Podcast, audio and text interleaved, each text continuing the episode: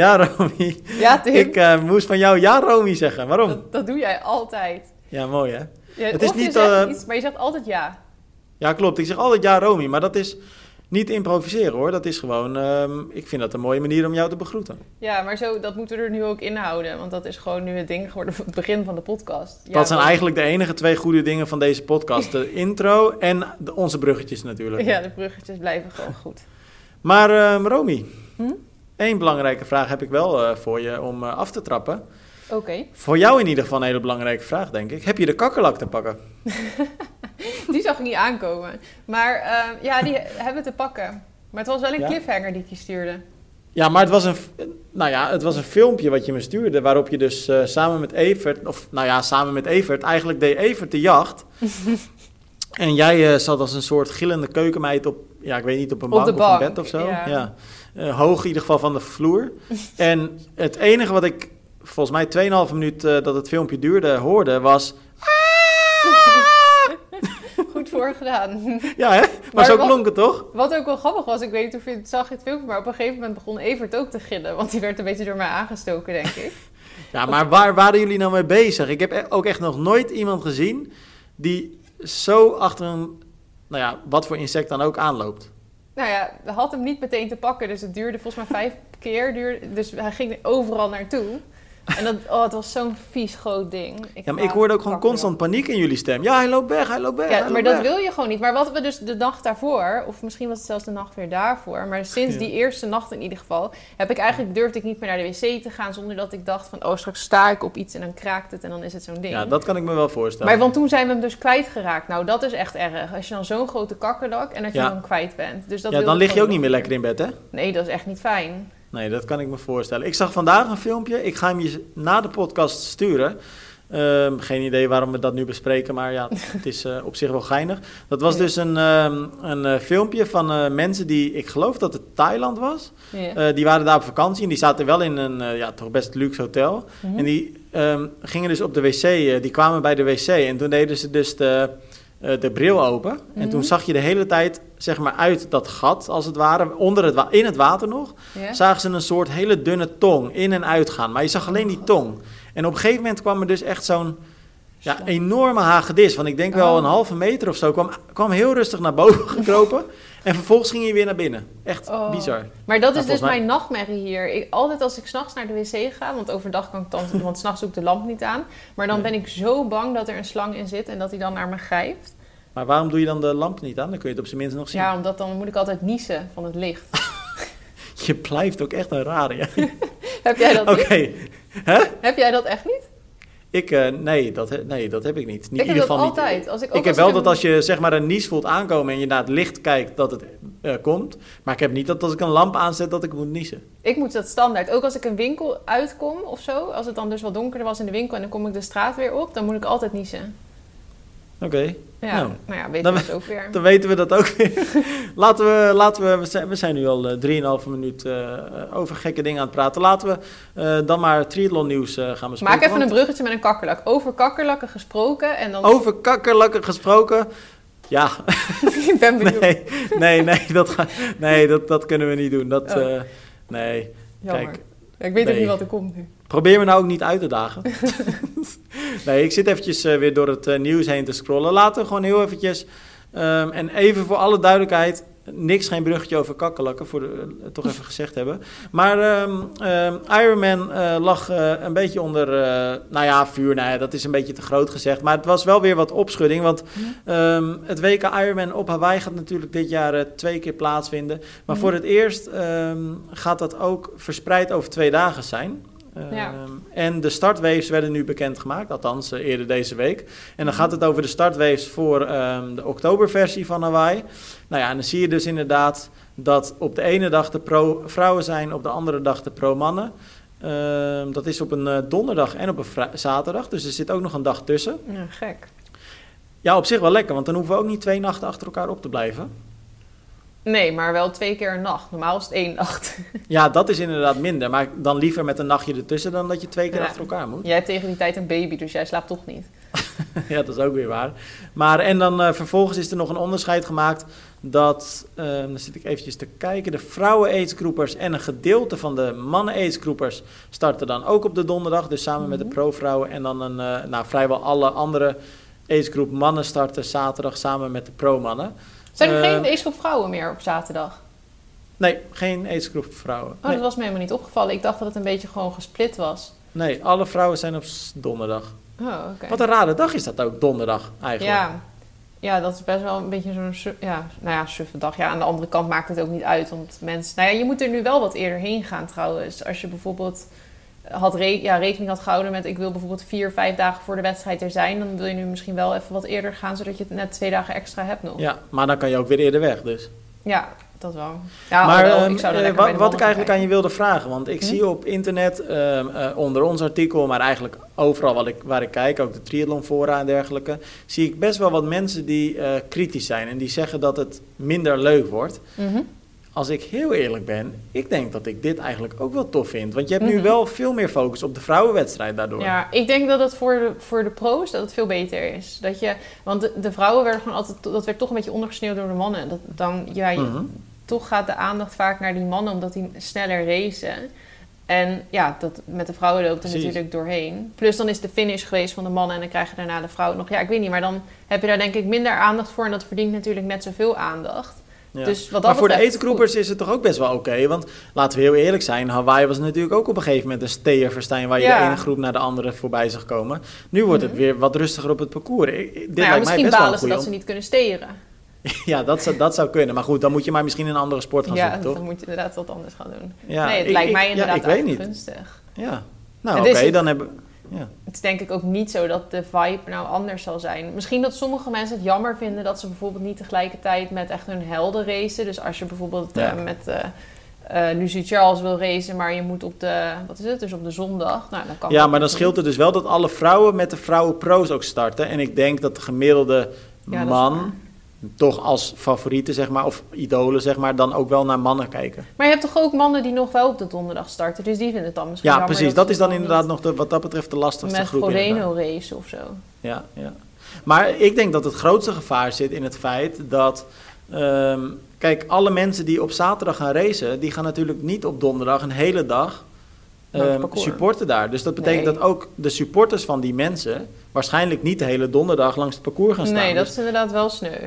En dan kan ik me ook voorstellen dat de locals... die sowieso al niet heel erg fan van het evenement zijn... ehm, ook niet twee, da- twee dagen enthousiast gaan lopen doen langs de kant. Ja, en helemaal niet door de week. Dan werken de meeste mensen natuurlijk gewoon. Precies. Nee. Oké, nou ja, we gaan, het, eh, we gaan het zien. Ik denk dat het, eh, wat ik zei, eh, voor objectieve kijkers best tof is. En ehm, nou ja, ik kijk er heel erg naar uit in ieder geval. Iets Mhm. waar Ik deze week heel erg naar uitkeek, of vooral heel erg om gelachen heb, is het filmpje van Max Verstappen. Ja, grappig hè. Daar heb ik ook wel eerlijk gezegd echt om moeten lachen. Ik eh, moet heel eerlijk zeggen, kijk, ehm, ik eh, ben helemaal niet kritisch erop en hij weet ongetwijfeld wat hij doet. Want hij heeft, weet je, die eh, jongen is natuurlijk de beste coureur ter wereld. Of Mhm. in ieder geval qua Formule 1. Het doet niks Dus hij af een- aan hem. Precies, en hij heeft een enorm team wat hem ook begeleidt. Mhm. Maar de workout die hij online zette, ik weet niet wat hij precies aan het zo doen was. grappig. Maar het is ook gewoon zo suf dat je gewoon de wereldkampioen, hoe heet dat, Formule 1 of zo, Mhm. dat je die met een, volgens mij een kettlebell van 8 kilo of zo, of misschien was het zelfs 6 kilo, dat je hem echt de stijfste eh, deadlift ooit ziet doen. maar gewoon al- en een soort squat, maar die squat, hij, ging, hij zakte denk ik 20 centimeter. Het is gewoon, je kunt het gewoon, je snapt het niet, omdat je Nee, denkt, hoe kan dat nou? En dat hij dat dan ook echt op zijn Instagram gaat zetten van Ja. kijk mij eens even trainen. Voorbereiden op seizoen 2022 Het staat is erbij. super suf. Ik dacht bijna van misschien komt hij op een gegeven moment met iets van oh, een schapje of zo. Het is trouwens ook Ja. wel, maar het is dus ook al twee, drie weken geleden dat hij het deelde of zo. En Ja. hij heeft nog niet gezegd dat het een grapje was. Dus ik denk dat het geen grapje was. Nee, nou ja, eh, bijzonder. We weten in ieder geval wat we moeten doen om Formule 1 coureur eh, te Nou, je weet wat je niet moet doen. Nou ja, Nee. ook, ja trouwens, voor hem werkt het misschien. Een hele Precies, het stijve deadlift eh. te doen. Hey, wat, we, wat we misschien wel eh, kunnen doen, is eh eventjes naar de webshop van eh Canyon. Nou ja, je moet het vooral lekker zelf weten, want het zal mij niet uitmaken wie er eh, wel of niet naar die webshop gaat. Maar ze hebben in ieder geval de nieuwe Speedmax-lijn. En die hebben we natuurlijk al uitvoerig ook op onze website laten zien. Vette fietsen, als je het mij vraagt. Ik rijd zelf op een Canyon, dus dan is het ook niet heel gek dat ik het een mooie fiets vind. Mhm. Maar volgens mij vinden veel triatleten het mooie fietsen. Maar ze hebben een nieuwe Speedmax-lijn.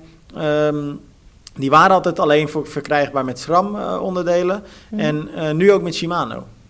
Ja, tof. Fijn dat er Als gewoon ik- keuze is. En als ik jou begreep, jij weet daar eigenlijk meer van dan ik. Mhm. Ehm, eh, nou, het is wel fijn dat je daar de keuze in hebt. Want ja. ja. het is ook gewoon net wat je wil natuurlijk. Maar ehm, ja, er zijn ook wel mensen die het toch wel fijn vinden om gewoon bij Shimano te blijven.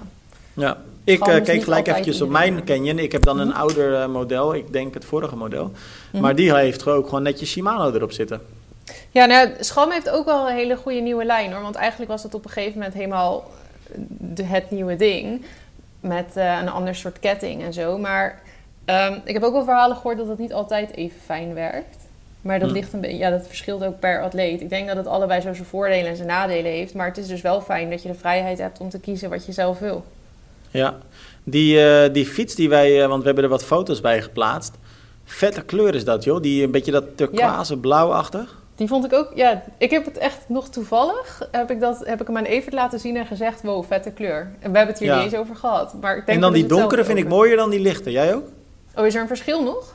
Ja, je, je hebt er twee heb je boven elkaar staan. En dan heb je een beetje een donkergroenige. Mhm. En een wat mattere, lichter blauwachtig zou ik het omschrijven.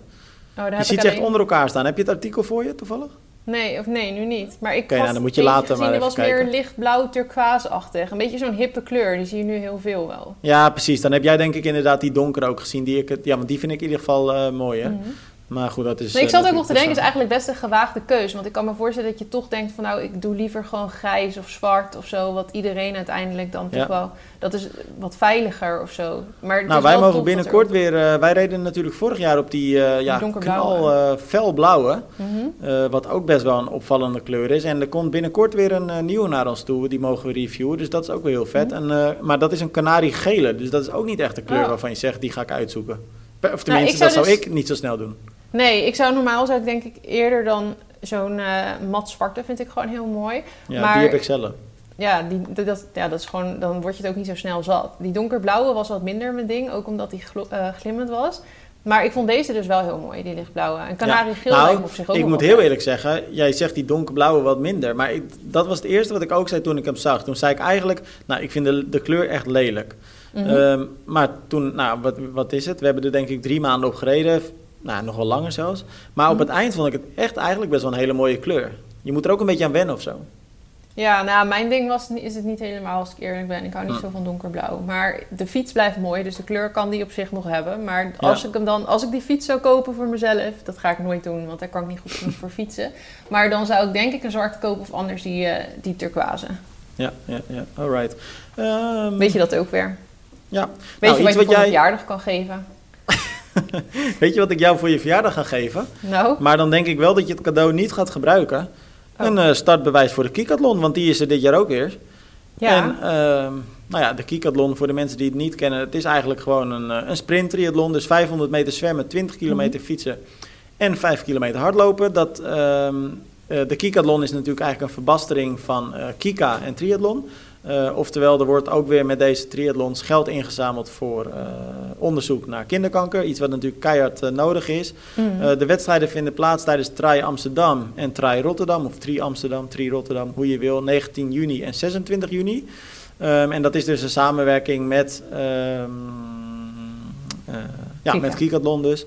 Dat is eigenlijk een organisatie die samenwerkt met Kika Extreme, nou ja, gewoon met Kika. Ehm, nou ja, Romy, we hoeven er volgens mij niet heel lang over te, eh, Ja, leuk. Ja, eh, ik zou het, praten. het- het- ik zou het wel, als ik dan een triathlon zou doen, het is eh, die sfeer, want ik was vorig jaar, welke wedstrijd was dat? Horen. Dat was dan niet Kikathlon, maar via Kika Extreme. Dus dat mensen zich dan inschrijven voor een bepaalde wedstrijd, geld inzamelen en nou, ja, zich helemaal daarop richten. En Horen was daar, hoorde daar dus ook bij. En dat sfeertje was echt Ironman. West-Friesland bedoel je, ja. Eh, oh ja, ja, West-Friesland inderdaad. Maar goed, in Ja. Hoorn dus. Maar die Mhm. sfeer was echt, eh, het was heel gezellig gewoon daar, vond ik.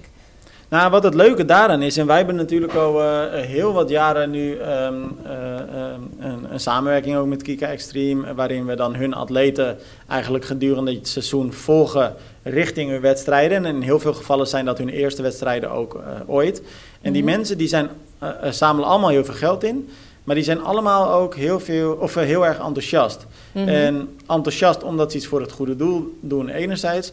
En anderzijds omdat ze het heel erg tof vinden om te triathlonnen. Om te zwemmen, Mhm. te fietsen, te lopen, om de sport te leren kennen. Maar ook omdat ze, eh, nou ah, ja, ik, volgens mij kan ik het best zeggen, eh, eh, vrienden krijgen. Het wordt, Mhm. Ja, ze hebben wel vrienden al, maar ik bedoel... sfeer. Het precies, het is een hele gezellige groep, eh, groep is het. Mhm. En ze ontmoeten daar gewoon vrienden voor het, nou, misschien wel het leven. Dat kan ik Mhm. natuurlijk niet bepalen, maar dat idee heb ik in ieder geval.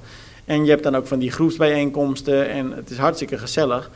En ja, volgens mij is dat best wel tof. Dus Ja. als je op een, nou ja, een leuke manier kennis wil maken met de sport en gelijk ook iets wil doen voor het goede doel. En volgens mij zijn we het allemaal met elkaar eens dat dit wel een heel goed of een heel belangrijk goed doel is. eh, dan is de Kikadon denk ik best wel een hele, hele toffe mogelijkheid daartoe. Ja, nee, zeker. Ik denk dat het echt heel leuk is. Nou, hebben we ook weer onze reclame gemaakt. Dit was het reclameblok. Nee, en na de ster, dit- wat komt er na de ster? Even voor de duidelijkheid hoor, want ik mag eh, gerust zeggen dat ik het een, eh, een, eh, een waardeloos concept vind. Maar ik denk gewoon dat het heel belangrijk is dat dit soort dingen er zijn. En dat meen ik echt, Mhm. omdat ik, Ja, tuurlijk. ja, weet je, het is, het is ook, maar het is ook gewoon goed voor de sport. Hè. Het is niet alleen maar goed voor eh, onderzoek naar kinderkanker. Het is ook een hele mooie manier om dus die mensen kennis te laten maken met sport, die het anders misschien nooit zouden doen. Dus het blijven vaak ook echt volgens mij hangen in de sport. En volgens mij ook vaak als ze eenmaal bij, via Kika, via nou, Kika Extreme of Kikathlon eh ermee beginnen, zeg maar, dan blijven ze volgens mij ook vaak gewoon bij Kika hangen. En dan blijven ze Ja. het daarvoor doen. Omdat het gewoon Klopt. leuk is. Klopt. Nou, wat ik wel minder leuk vond eh, daarover gesproken, is Mhm. die Turendi Martina, zeg. Ja, wat een sukkel. Wat is dat nou voor lijpo? tijd eh, zitten verdoen. Ja, maar dit gaat toch ook nergens over? Nee, maar ik vond het ook al wel, sorry, een eh, raar, sorry. Zit er een kakkelak in je keel? Oh, ik, nee, ik verslik me denk ik. Maar ik vond het ook al een raar concept. Dat je 3,5, want oké, het gaat dus over dat Jurendi Martina, die zou... Even, ja, eh, eh, ja, v- Heet vertel ook even wie het is, want dat, voor de, ik, ik ga Oh. ervan uit dat iedereen hem eigenlijk wel kent. Maar hij is natuurlijk een Olympische sprinter, hè, Mhm. een Nederlandse sprinter. Ja, Ja. nou, die ehm, zou dus Jurendi... Je zegt wel echt zo van, ja, nou, nou, eh, ja, onderbreek Ja, me nou, niet. Ja, toch bedankt voor je toevoeging. Maar die zou dus, ehm Churundi, zou die beginnen. Voor de derde keer. Maar in Amsterdam zou die een soort gorilla... Ja, ik weet niet, dat weten denk ik alleen mensen die in een randstad wonen. Maar je hebt, je hebt daar van die bezorgservices die zeg maar de boodschappen voor je doen. En dat gaat gewoon super snel. Dat gaat volgens mij eigenlijk altijd op de fiets. Eh, dan kan je gewoon, ja, dan bestel je boodschappen en volgens mij een kwartier later of zo is het er. Ik heb het zelf nooit echt gebruikt. Ja, Maar, volgens mij gaat ehm, het eh, sneller dan de hele uitleg die jij nu aan het geven bent. Ja, precies. Het is, zo snel is het dus. Dit is geen reclame trouwens voor gorilla's.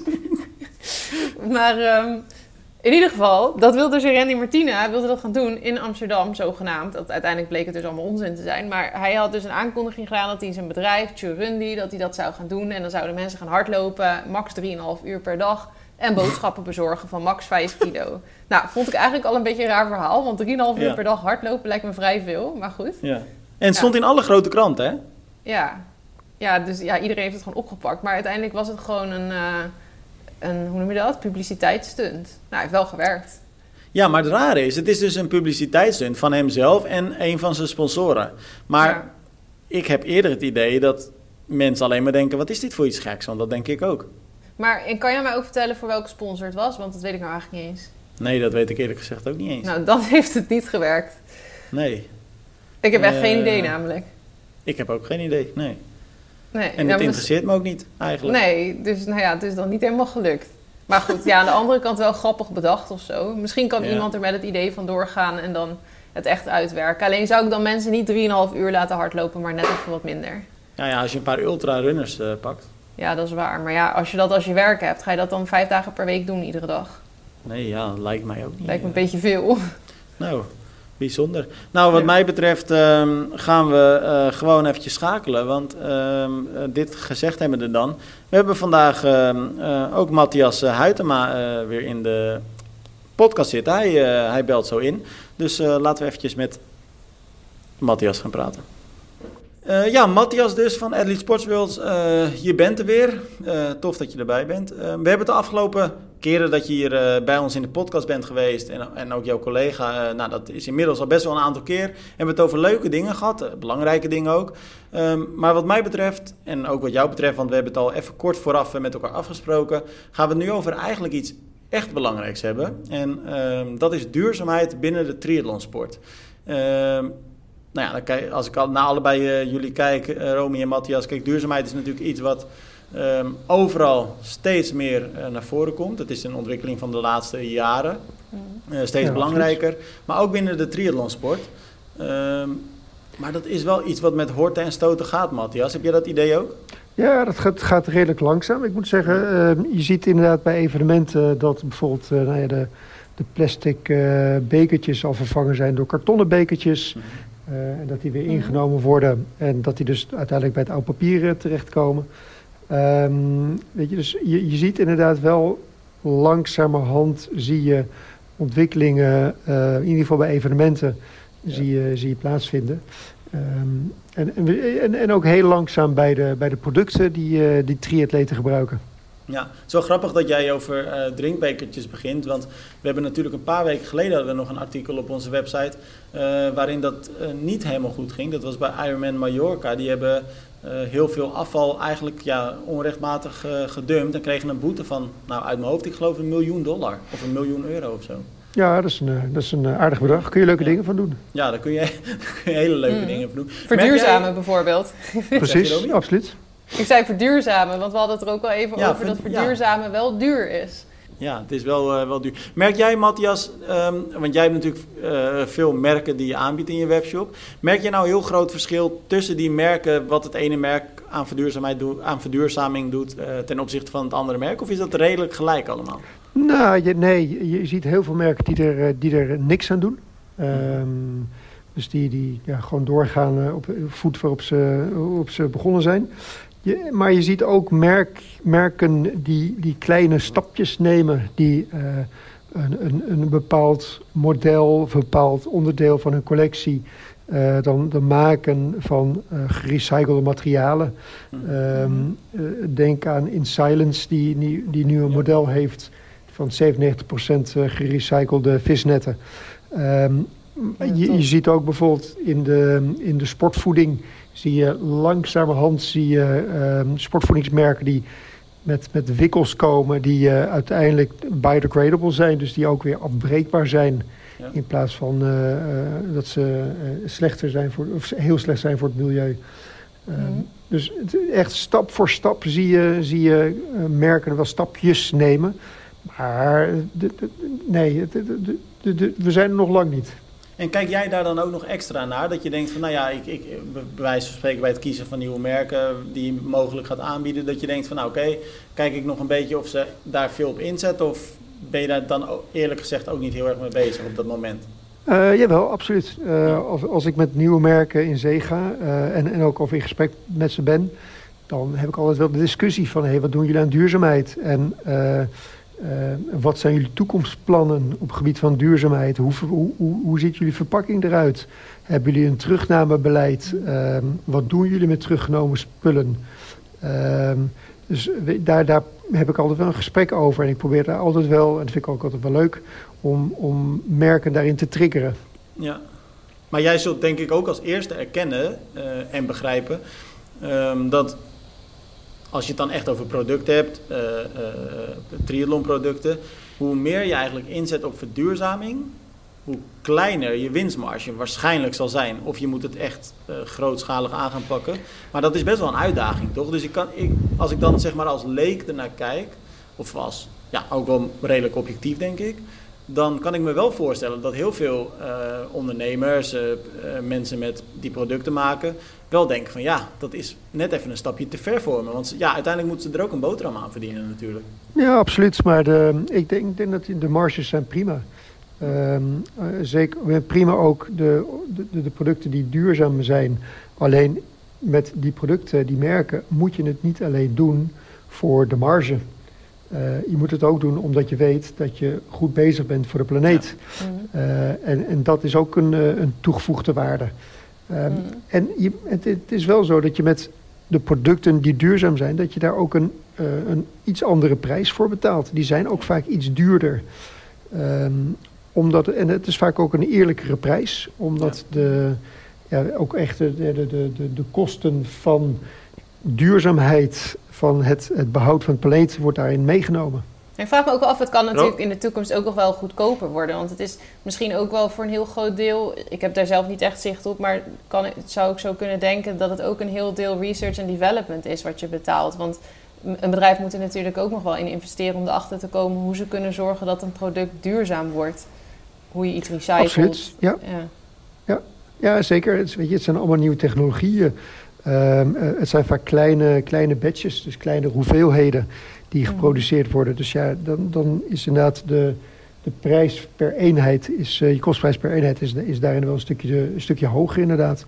Dus uiteindelijk zullen die prijzen echt wel gaan dalen. Mm-hmm. Um, maar de vraag is of ze net zo goedkoop worden als, als producten die niks met duurzaamheid uh, doen. Romy, ben jij als consument, uh, uh, gewoon puur als consument, mm -hmm. bereid extra te investeren in producten die dan duurzaam geproduceerd zijn? Of, ja. of ja, kijk je dan toch ook naar je portemonnee? Ja, je kijkt, ik kijk altijd naar mijn portemonnee, want ik ben best wel een knieperd. Maar um, ik, wil wel, ik vind het wel heel belangrijk, duurzaamheid. Dus ik zou er wel uh, meer geld voor over hebben als een product, als ik weet dat het duurzaam is. En wat ik dan ook heel belangrijk vind, is dat het niet alleen duurzaam gemaakt is, maar dat het dus ook duurzaam is. Maar goed, dat hoort er dan ook bij dat je het ook lang kan gebruiken. Want als ik soms, als ik een jas heb, ik heb wel, ik heb jassen, broeken die ik dan, weet je wel, vijf, zes, zeven jaar draag dat, ik weet niet, maar daar word ik heel blij van. Daar kan ik gelukkig van worden, want dan weet ik dat ik dat daar, dan, ja, dat vind ik goede dingen. Als ik iets, een shirt koop van de H&M en het is na een half jaar uh, pult het, dat je van die balletjes erop krijgt bijvoorbeeld, en het wordt gewoon lelijk en dun en het ziet er niet meer uit, dan voel ik me er wel echt schuldig over als ik het weggooi. Dan, dus ja, als je dan meer betaalt en je weet dat je dat niet hebt, dan zou ik er zeker wel meer voor willen betalen. Ja, en dat komt dan eigenlijk, dan komt gelijk bij mij een, een volgende vraag voor Matthias uh, naar boven. Want als ik dan eerlijk ben en naar mezelf kijk, um, ik zou ook best wel iets extra willen betalen als je zeker weet dat het een duurzaam product is. En dat je eigenlijk daarbij bijdraagt aan een, uh, een betere wereld voor de toekomst.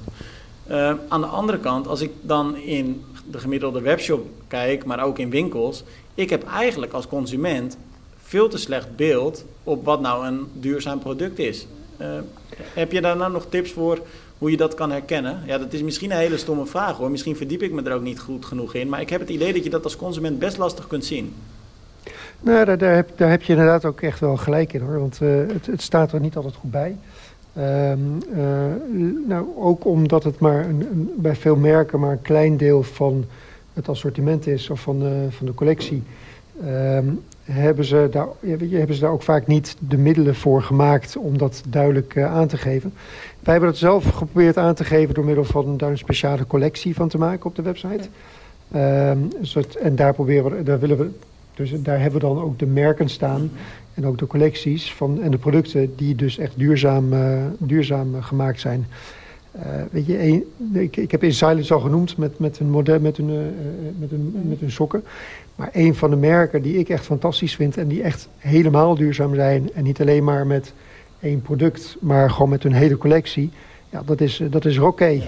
Um, uh, dat is een Deens merk. Mm -hmm. In Nederland relatief onbekend, of eigenlijk helemaal onbekend. Maar in Duitsland en zeker in Denemarken, uh, in Frankrijk en België zijn ze zeker bekend. Uh, die zijn gewoon echt 100%, uh, 100 duurzaam. Ja, dat is wel echt uniek. En, dat er is eigenlijk, denk ik niet echt. Is er een ander merk wat 100% duurzaam is? Weet je dat? Niet, niet dat ik weet. Um, en, niet, en, en, ook niet zozeer in de, de performance wear. Uh, want dit, is echt, ja, weet je, dit, zijn, dit zijn fantastische producten. Mijn collega Peter die heeft uh, een setje van, uh, van dit merk. We hebben het mogen testen van hun.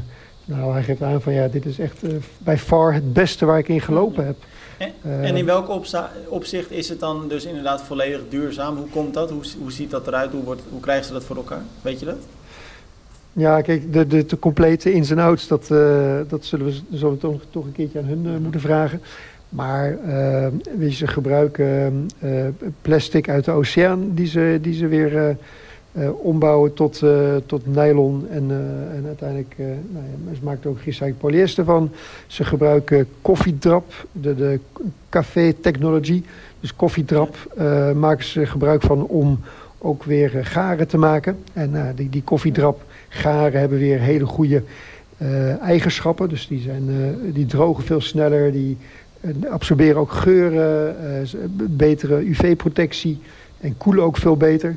Dus ehm, ja, weet je, ze, ze, hebben, ze gebruiken een aantal, een stuk of vier, vijf technologieën. Waarbij ze dus elke keer ja, uh, producten weer hergebruiken. En in, hun, en in hun, hun producten weer uh, gebruiken. Daar kan je met je hoofd toch echt niet bij. Vooral dat met die koffie, dat, dat snap ik gewoon bijna nee, dat is niet bizar, dat hè? kan. Ja, dat, daar kan ik me niks bij voorstellen. Ja. Ja. Nee, precies. Nee, en dat is dus weer zo'n ontwikkeling, uh, zo'n research waar, waar, waar, je het net over had, Romy. Waar dus geld en energie in, in zit. Um, en ja, waardoor je uiteindelijk ook ja, wat duurder uit bent. Ja. Nou, ik moet heel eerlijk zeggen, want je, je, je zegt dan nu inderdaad waardoor je wat duurder uit bent. Nou ja, je zei het e eerder in dit gesprek ook al eventjes. Uiteindelijk betaal je natuurlijk voor duurzaamheid. Als ik heel eerlijk ben, ik zit dan nu eventjes bij die Rocket uh, producten te kijken die in ieder geval op jouw website staan, uh, in jouw webshop. Maar ja, ik zie een paar producten waarvan ik denk, oké, okay, dat is inderdaad iets aan de prijzige kant. Maar ik zie ook producten, en het zijn best wel nou, mooie producten zijn het als ik zo snel eventjes doorheen ga. Maar dat vind ik eigenlijk nog wel redelijk normale, ja, normale prijzen. Ja, ja dat klopt. Het, het, maar goed, we, we, blijven, we blijven Hollanders. Ja, ja, ja, dat is lastig. Dus, uh, uh, dus we, we, we, zullen als eerste naar de prijs kijken. En op het moment dat je een... Uh, een seamless uh, hardloopshirt van 65 euro betaald bij voor Rocket. En je kunt hem ergens anders voor uh, 45 euro ja. betalen. Ja, dan, dan, dan, dan, ja, dan zal 9 op de 10 zeggen van ja, dan ga ik voor die 45 euro. Ja. Tenzij je dus weet van oké, okay, ik doe wat goeds voor de wereld. Of ik, ik, ik zorg ervoor dat, uh, dat in ieder geval geen, uh, geen andere materialen gebruikt worden. Ja. Ja, dus dan is het eigenlijk, kom je onder de, onder de streep uit op het misschien wel het belangrijkste van dit. Zorgen dat je uh, uh, ja, eigenlijk heel goed het verhaal dus vertelt van nou ja, hoe duurzaam zo'n product is. Ja, ja, dat het ook uitgelegd absoluut. is. Want het is wel wat jij ook zei straks, Tim, dat soms dan denk je dat iets duurzaam is. Dan wordt iets verkocht alsof het duurzaam is. Maar dan vraag je je inderdaad gewoon heel erg af waar het er dan precies in zit. Of het alleen het label is of de verpakking. Of in dit geval echt gewoon het hele product, alles. En ook een beetje of het ja. waar is. Laten we heel eerlijk zijn, toch? Ja, dat het niet gewoon een stunt is om uh, goed te verkopen, zeg maar. Dat het gewoon echt ja. oprecht duurzaam is. Ja. Nee, precies. Nee, dit, deze zijn, dit is echt een oprecht duurzaam merk. Ja. Nou, ik zat uh, inderdaad ook even snel door de website van, uh, van Rocket te gaan. En het ziet er inderdaad als een uh, tof merk uit. Denemarken, hè, zei je? Denemarken, ja. En de, de, de, de Denen en de Noordics, maar de Denen zeker...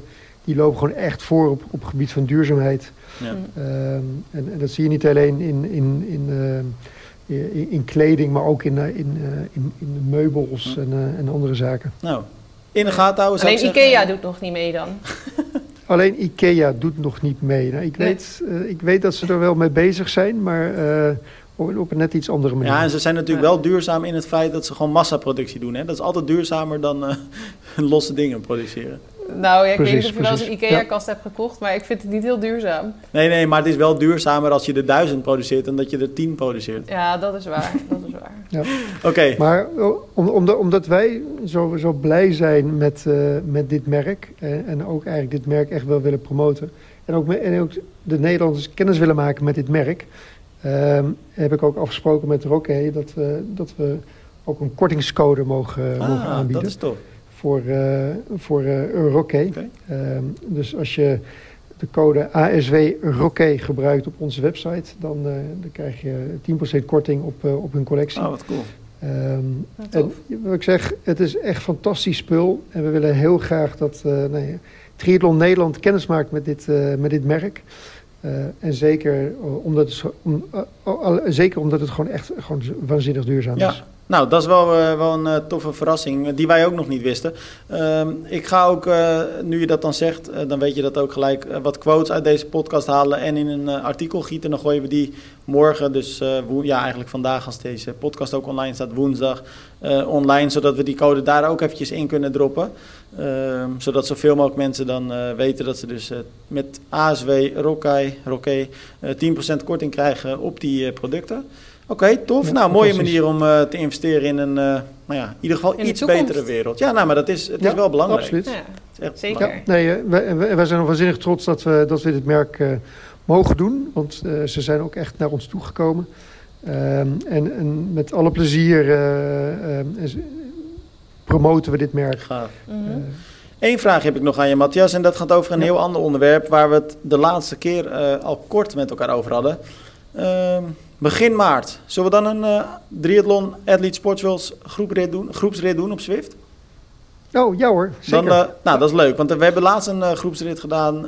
dat was al een succes. En ik heb het idee eerlijk gezegd, als ik de reacties toen peilde dat, uh, dat het alleen maar uh, meer mensen op af zullen komen. Dus dat is leuk. Dan ga ik jou, nou dan appen wij deze week nog eventjes, hebben we nog even deze week contact voor een specifieke datum. En dan gaan we die rit ook, ook, aankondigen. Maar dan doen we, houden we gewoon begin maart eventjes daarvoor vrij. Dat is denk ik wel tof. Ja, super. En ik begreep dat Romy ook een, een, tax, een, een, fietstrainer heeft in Zuid-Afrika. Dus ja, nee. no, no, no excuses. Ik heb het vandaag gevraagd, want ik zou serieus graag op Evert zijn fiets willen trainen. Of op zijn tax in ieder geval. Maar ik mag het echt niet. Want ik ben op het moment wel aan het spinnen. Dus ik had het echt graag gedaan eigenlijk. Al had ik het denk ik niet bijgehouden, maar... Uh, Tim, ik denk, dat je, ik denk dat je even gesprek Ja, dat, ga, dat ga ik doen. Want ze gaat binnenkort ook een zwembad induiken. Dus dan moet ze ook niet zo flauw zijn om gewoon ergens op de fiets te springen. Ja, dus, dus Evert, je bent je fiets kwijt. Ja, uh. ja, ja. Het is niet eens... hij niet leuk vinden. Oké, maar dat gaan we afspreken. Dat wordt een, uh, een toffe Athlete Sports World Triathlon uh, groepsrit. Begin maart dus. Definitieve datum komt nou, deze week nog in ieder geval op de website.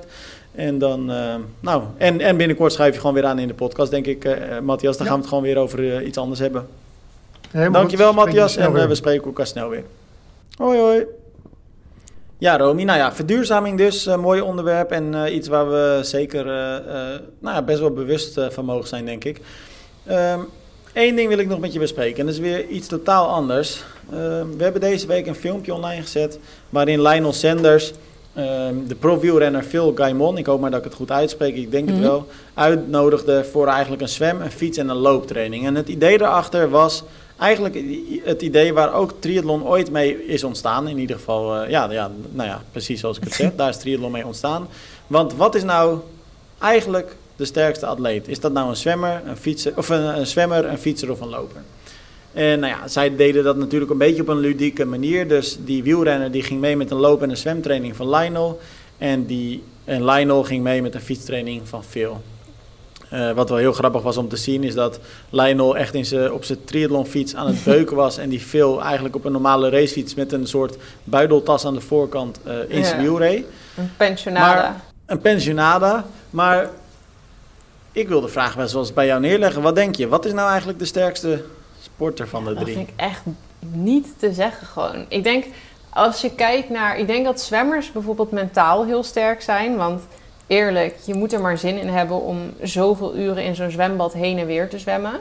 Volgens mij wordt... Ja, maar een wedstrijd is daarentegen eigenlijk altijd kort. Ja, en als je van het lange zwemmen, maar ik, open ken water zwemmen, dan... Die, uh, die, die, traint hier in Stellenbosch. Zij is open waterzwemmer, olympisch. Dat is heel goed. En zij ligt hier altijd in het zwembad en dan, nou, die zwemt lang. Die zwemt gewoon vijf uur per dag, denk ik. Misschien nee, maar dat wilde ik inderdaad zeggen. Als je het open waterzwemmer even uh, niet meerekent. Over voor de duidelijkheid. Kijk, sprinters liggen natuurlijk ook uren per dag in het mhm. zwembad, hè. Uh, maar het is natuurlijk wel een feit dat de wedstrijd over het algemeen kort is. Relatief kort. Ja, dat is waar. Ja, maar je kunt het daarom ook gewoon totaal zo niet vergelijken. Het is echt niet te zeggen. Ik zou... Nee, hè? Ja, nou, als ik zeg maar... Mijn eerste ingeving zou misschien dan zijn hardloper 1, zwemmer 2, fietser 3. Maar ja, ik zou fiets op 1 zetten. Maar, ik zou fiets op 1 ja? zetten. Omdat... Omdat hij de hoogste, nou ja, ik, ik, Het enige hoe ik, wat ik... Want ik ben het helemaal met je eens. Volgens mij kun je het gewoon niet vergelijken. Dat, laat het duidelijk zijn. Maar als ik dan zou moeten zeggen... Want als ik, als ik dan voor mezelf nadenk wat ik het ergst vind. Als ik, met zwemmen ben ik eigenlijk... Ik ben sowieso natuurlijk geen goede zwemmer. Maar ik ben eigenlijk nooit echt tijdens een wedstrijd... Dat ik denk van ik, ik moet stoppen, ik hou het niet meer, ik ben dus. kapot. Dat, dat heb ik. Ja, nou ja, nee, maar dat zou je kunnen zeggen, maar ik heb de techniek niet per se om harder te gaan. Mhm. Maar ik ben nooit, ik kom nooit de man met de hamer tegen met zwemmen. Nee, maar dan begin je ook. En als ik met het. Nou ja, oké, maar dat is dus voor mij een, een, een maatstaf om te bepalen wat ik dan nou ja, wat, wat het zwaarste ja, oké, maar jij het er nu dus over triathlon. Dus dan is zwemmen natuurlijk relatief in principe ook het kortst.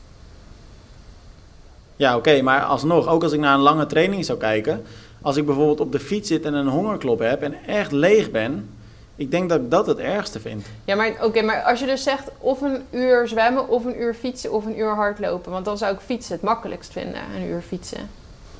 Nou, wacht maar tot je een uur ver boven je FTP moet fietsen. Ja, maar dat is met alles. Alles wat, wat ja, je... maar, waar, maar, ja maar, maar daarom. Maar du- dus, dus fietsen is dan toch niet makkelijker dan zwemmen? Nee, maar jij vroeg het aan mij, dus ik moest een soort van antwoord geven. Ja, ja, het is ook geen aanval, maar ik probeer het ook even Maar het duidelijk is dus te niet krijgen te doen.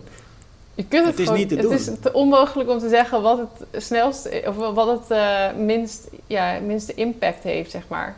Maar laat ik het zo zeggen. Ik denk namelijk dat een fietser of een loper ook makkelijker het zwemmen kan volhouden dan een zwemmer het fietsen of het lopen. Denk ik, zeg mijn gevoel. Ja, maar er zijn ook altijd wel mensen die van het zwemmen heel erg echt stuk gaan. Als ze dan nog niet de borstkrol kunnen, Ja, dan leg je het ook waar, ja. echt af. Dan Nou, volgens mij moeten we deze discussie gewoon afkappen, want we komen er nooit Nee, het uit. slaat gewoon nergens op. Het heeft gewoon geen zin. Dat kan gewoon niet. Maar ik dus denk dus dat jij denkt, ook kunnen zeggen... fietsen is dan Ja. zwaar, omdat in bijvoorbeeld een hele triathlon het fietsen gewoon het langst duurt. Nee, dus krijg je een hang- want, hongerklop als ehm, eerst eerder dan bij de rest. Nee, maar ik heb met een wedstrijd ook nooit. Ik kijk echt puur naar de trainingen. Ehm, en ik weet wel, het, eigenlijk wat ik denk, is dat als ik een hongerklop heb met fietsen, Mhm. of bijvoorbeeld helemaal kapot gaan met lopen, dan denk ik dat ik liever, dan zou ik liever zeggen van oké, laat me dan nog maar een stukje lopen dan dat ik nog een stuk moet fietsen. Want ik heb wel eens op de fiets gezeten dat ik echt dacht van hoe ga ik thuiskomen? Ja. En dat heb ik met lopen eigenlijk, ook al ben ik helemaal kapot, dan gaat het net iets makkelijker nog voorbij of zo. Ja, maar dat ligt. Ja, want ik kan dus echt gewoon niet lopen. Maar ja, dat komt omdat ik dat gewoon ook niet train. Dus als ik dan zou moeten kiezen, dan zou ik zeggen: zwemmen vind ik dan het minst erg dan voor mezelf. En dan daarna fietsen en daarna lopen. Omdat lopen, dat, dat kan ik gewoon niet. Dan ga ik helemaal kapot. Nou ja, conclusie is dus inderdaad, het is ontzettend persoonlijk en je kunt het nooit, je kunt dit gewoon nooit zeggen. Maar wat we dus ook kunnen concluderen, is dat triathlon eigenlijk gewoon een waardeloze sport is. Want het werd ontwikkeld met het idee wat nergens op, op slaat. Ja, die mensen die hebben gewoon net zo'n stomme discussie gehad als wij. En die namen die discussie iets te serieus. Eén ding weet ik wel zeker. Wat dan? Dat was geen podcast. Nee, dat was toch toen nog niet, denk ik. ik denk dat we hem, eh, volgens mij is het een lange podcast Ik vandaag. denk het ook. Ik moet van alles plakken, want we hebben Matthias nog gesproken. Maar het is volgens mij een lang verhaal.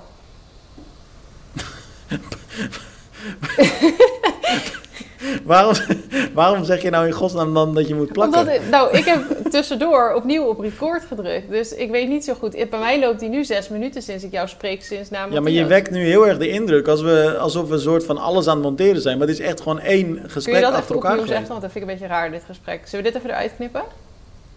Ja. Nee, het Dit is- fuck? Oh, weet ik veel. Natuurlijk niet. Ja, ik denk, waar heb je het nou Ja, over, ik ben joh? degene die knipt en plakt, dus ik bepaal dat. Ja, maar daarom, maar dat laat ik jou doen, omdat je dat nooit hoeft te doen. Want we knippen eigenlijk nee, nooit. nee, voor de mensen die nu denken dat we knippen. Maar dat hoor je ook, want dat, nou ja, we knippen dus alleen als er iemand inbelt. Ja, precies, omdat dat even een apart ja, bestandje is. Maar een beetje raar. ja, god, goed gesprek dit wel. Ja, anders hoor je eerst twee minuten Ik de vind- telefoon overgaan. Ik vraag me altijd af, wij krijgen het op de een of andere manier altijd voor elkaar, dat het altijd raar eindigt. ja, dat is wel waar. vaak. Maar ik denk, weet je, het is kwart over tien bij mij nu. Dus ik denk dat het ook in mijn geval is Ja. het vermoeidheid.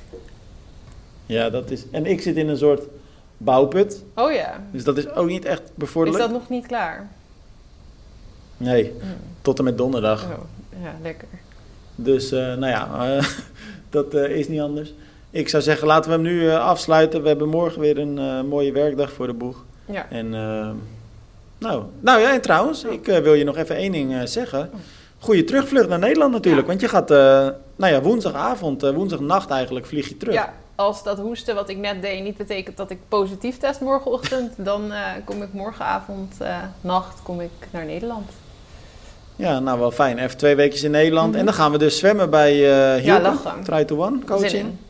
En dan, en dan ga je daarna wel weer terug naar Afrika. Ja, ja, maart weer. 1 maart of zo. Ja, ah, oké. Oké. Oh, dus je blijft echt een maandje hier. eh. Eh, ja, en een week naar Spanje. Oh ja, dat was het inderdaad. Oké, nou, eh, genoeg, genoeg te doen dus. Romy, ik zou zeggen, ik, goede terugvlucht, Thank goede you. terugreis. Groetjes aan Evert en ik spreek jou volgende week in de Groetjes aan weer. Suus en ik spreek je volgende week. Oké, mazzel. doei. doei.